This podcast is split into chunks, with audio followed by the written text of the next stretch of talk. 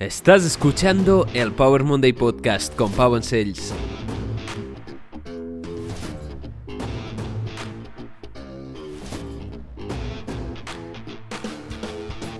Bienvenidos a Power Monday Podcast, soy Pau, tu apasionada de fitness, nutrición y ciencia y por fin ya ha llegado Power Monday Podcast, tu dosis semanal de motivación y conocimiento para empezar la semana con fuerzas, ganas y una gran sonrisa. Te agradezco muchísimo que estés escuchando este podcast donde cada lunes comparto contigo motivación y conocimiento por parte de las grandes mentes de la historia, curiosidades, biohacks, ciencia y mucho más. Y dentro de poco entrevistas con personas increíbles. No queda nada, lo prometo. Esta semana te traigo un episodio muy importante y muy interesante donde compartiremos conceptos del dolor por parte del padre Richard Rohr y hoy te traigo un documental El dilema de las redes y sus importantísimos mensajes. Así que vamos a empezar, vamos a empezar este episodio con la frase de Richard Rohr. If you don't know how to transform your pain, you will transfer it to the people you love. If you don't know how to transform your pain, you will transfer it to the people you love. Esta frase se podría traducir así. Si no sabes cómo transformar tu dolor, lo traspasarás a las personas que más amas. Si no sabes cómo transformar tu dolor, lo traspasarás a las personas que más amas. Todos experimentamos dolor tarde o temprano, pérdida de familiares, fracaso, lesiones, roturas. Es inevitable y forma parte de la experiencia de la vida. Hagas lo que hagas, lo vas a experimentar. El dolor va a estar ahí y esto no va a cambiar. Lo que sí que puede cambiar y se puede modificar es cómo respondes tú al dolor, qué aprendes y en qué se convierte para ti. Si no lo transformamos y no lo gestionamos adecuadamente, podemos pagarlo con los seres que más queremos, no solo en forma de enfado y reproche, sino trayendo una versión de nosotros mismos muy inferior, una versión negativa, drenando energía de los demás, de las personas que nos rodean. Siempre me ha resultado muy curioso cómo a menudo las historias de la gente que ha cambiado el mundo, gente con éxito, gente que ha triunfado muchísimo, tienen un origen muy duro, tienen un origen muy doloroso y a veces hasta inimaginable. Pero de algún modo hay personas que consiguen reprogramar el dolor, su dolor y sus derrotas como un combustible brutal para propulsarse al éxito. Las peores experiencias pueden enseñarnos las mejores lecciones y cambiarnos para siempre. Y no me malinterpretes, no digo que tengas que pasar un dolor terrible para encontrar el éxito, no, la verdad es que no hace falta la tortura para encontrar el éxito, pero esos momentos, este dolor, lo podemos reprogramar como combustible y podemos aprender al máximo de cada situación. Como he dicho, el dolor forma parte de la vida, pero el sufrimiento es opcional. Déjame que te lo repita porque esta frase es realmente poderosa y cambió mi forma de ver las cosas. El dolor forma parte de la vida, pero el sufrimiento es opcional. Y es que el dolor es una vivencia y cada uno decide cómo la vive. Cómo vives tu dolor, cómo dejas que te cambie, cómo dejas que te modifique, depende de ti. Y sé que no es fácil, pero como dijo Buda una vez, cada experiencia, no importa lo mala que parezca, trae consigo una bendición de algún tipo.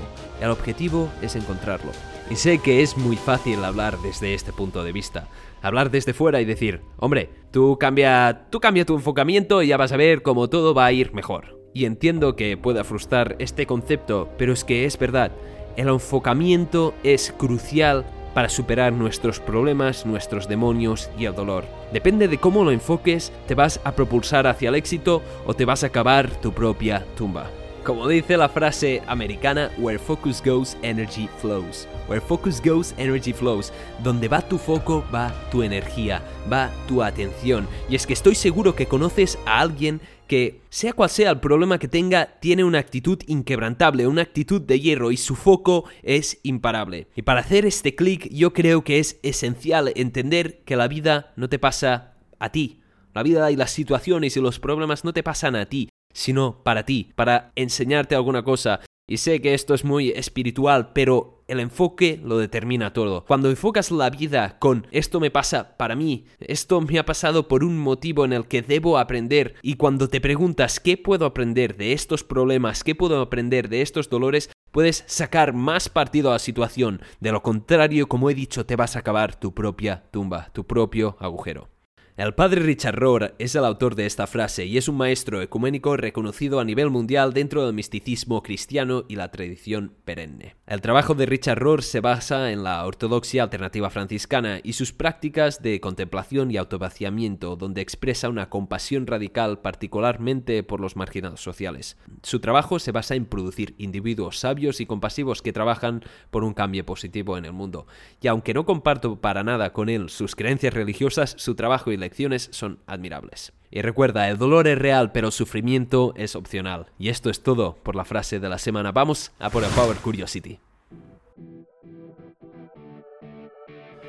El Power Curiosity de esta semana es un documental y es el Social Dilemma o el dilema de las redes y todos sus comentarios vamos a hablar un poco aquí. Primero de todo, tengo una pregunta para ti. Sí, para ti, tengo una pregunta. ¿Cuántas horas crees que utilizas el móvil al día? ¿Cuántas horas? Piénsalo, de verdad. Piénsalo un momento. ¿Ya lo tienes? ¿Tres, cuatro? ¿Cuántas son? Vale, pues ahora mira en tu móvil la aplicación de bienestar digital y control parental o el tiempo en pantalla en el caso del iPhone. Míralo y anota, apúntate cuánto tiempo está realmente. Lo puedes hacer ahora o lo puedes hacer después, pero por favor, si estás conduciendo, ni se te ocurra coger el móvil para ver cuánto tiempo lo utilizas. En fin, es sorprendente cómo la gente infravalora el tiempo que pasa utilizando el móvil. Yo, el primero, yo me sorprendí mucho cuando hice esta prueba. Déjame en los comentarios cuánto tiempo utilizas el móvil y si te has sorprendido. Y es que casi sin darnos cuenta, el móvil se ha convertido en una extensión de nuestro propio cuerpo. Somos cyborgs actualmente. Si no lo sabías, eres como Robocop, pero un poco más guapo. Parece que no podemos estar sin él, lo usamos desde que nos despertamos hasta que nos vamos a dormir, lo usamos sin parar y estamos conectados todo el día y sin saberlo hemos caído esclavos de la hiperestimulación. Aquí va un dato muy curioso. En 2007 el tiempo de pantalla en los móviles rondaba los 18 minutos. Hoy en día, el año 2020, el uso de los móviles ha pasado, ¿cuánto dirías? 3 horas y 15 minutos de media. Increíble, yo aún me asombro. Y es que el 86% de la gente que usa el móvil, lo primero que hace al despertarse es mirar las notificaciones. Y esto es realmente un problema. Esto en concreto, si lo primero que haces es despertarte y mirar el móvil, tienes un problema, ya que ha demostrado aumentar la ansiedad, el estrés a lo largo del día y disminuir la capacidad de atención, pero básicamente ha demostrado que empiezas el día distrayéndote y priorizando las notificaciones, priorizando el mundo exterior y no tus objetivos para ese día. Y yo creo que dentro de poco se va a aceptar que la frase levantarse con el pie izquierdo se traduzca a levantarse con el móvil en la mano. Porque básicamente viene a ser lo mismo, te predispone a un mal día. Y vas a decir, ya Pau, pero yo lo utilizo para alarma, yo lo utilizo para despertarme. Y yo también, voy a ser honesto. Pero todavía existen, todavía, atención, existen eh, despertadores que me voy a comprar. Uno, un despertador analógico y también existe la mecánica de poner eh, datos inactivados, ¿vale? Podemos poner en modo avión y al despertarnos apagamos la alarma, pero no miramos las notificaciones y vamos a hacer lo que es realmente importante para nosotros, que es preocuparnos para nosotros y despertarnos. El problema principal es que en pocos años hemos hecho un gran cambio a nivel tecnológico y a nivel de redes sociales. Sin embargo, nuestro cerebro con el hardware del Paleolítico prácticamente no ha recibido ninguna actualización en miles de años. Ha crecido un poco, pero prácticamente seguimos igual que el Homo sapiens sapiens eh, antiguo, ¿vale? Eh, no, lo siento. El problema es que los móviles y las redes sociales están muy bien diseñadas y se están optimizando de tal modo que para nuestro cerebro le resulte irresistible. Se están aprovechando de sus debilidades, quizás demasiado. Y es obvio que hoy en día el móvil sirve para mucho más que para comunicarse, y este es otro problema, la centralización de toda nuestra información en un solo dispositivo. Lo utilizamos para ver vídeos, películas, videojuegos, arte, pero también para comunicarnos, aprender, leer libros, y pasamos todo el día en el móvil. El dilema de las redes aparece cuando esta herramienta que es tan útil nos perjudica a la vez que nos ayuda. Y no es que quiera ser dramático ni decir que debamos destruir los móviles y enterrarlos o destruir las redes sociales, pero debemos llevar conciencia de lo que está pasando y recordar que tenemos que utilizar el móvil, no dejar que nos utilice a nosotros. Te recomiendo muchísimo que te mires al documental Social Dilemma. Es un documental donde los CEOs, CEOs o los directores de las compañías de las redes sociales como Facebook, Google, Apple y todos estos, entre otros, explican cómo han desarrollado intencionadamente adrede estas aplicaciones para que sean adictivas, para que te pases el mayor tiempo posible en su plataforma, ya que su plataforma se lucra de esto. Nosotros somos el producto, tu atención es su producto que venden a las empresas que quieren anunciarse en su plataforma. Uno de los consejos que dan en este documental los mismos SEOs y altos directivos de estas redes sociales es que quites las notificaciones. Ellos mismos lo dicen, son adictivas y yo no las tengo puestas. Y no voy a dejar que mis hijos tengan las notificaciones puestas. Esto lo dice el directivo de Facebook o de Instagram. Las notificaciones nos llaman mucho la atención y te recomiendo que las quites. Si es importante, ya te van a llamar. Ya lo vas a mirar tú cuando puedas. No dejes que la notificación decida por ti de cuándo tienes que utilizar el móvil y cuándo tienes que cogerlo. Porque realmente es así. El dilema de las redes lo puedes encontrar en Netflix. Irónicamente, estoy promoviendo un poco las redes, pero es como luchar el fuego contra el fuego llevar conciencia de nuevo y es un poco sensacionalista como casi todos los documentales, pero tiene mensajes brutales y es muy interesante. Te recomiendo que lo veas con tu familia, no lo veas solo si puedes y comparte, comparte lo que piensas de las redes y cómo nos están controlando. Eh, no me gusta esta palabra conspiranoica, que nos están controlando, nos están vigilando, pero te recomiendo mucho que te mires este documental.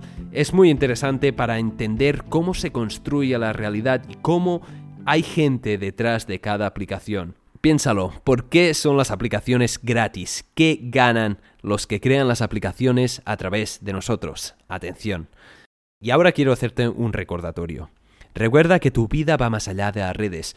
Tú eres mucho más que tus likes, tú eres mucho más que la gente que te sigue, tú eres mucho más que los números, que las visitas y todo esto, eres mucho más, eres una persona y si todo esto desapareciera, seguirías siendo la misma persona. En la descripción te dejo el link del tráiler.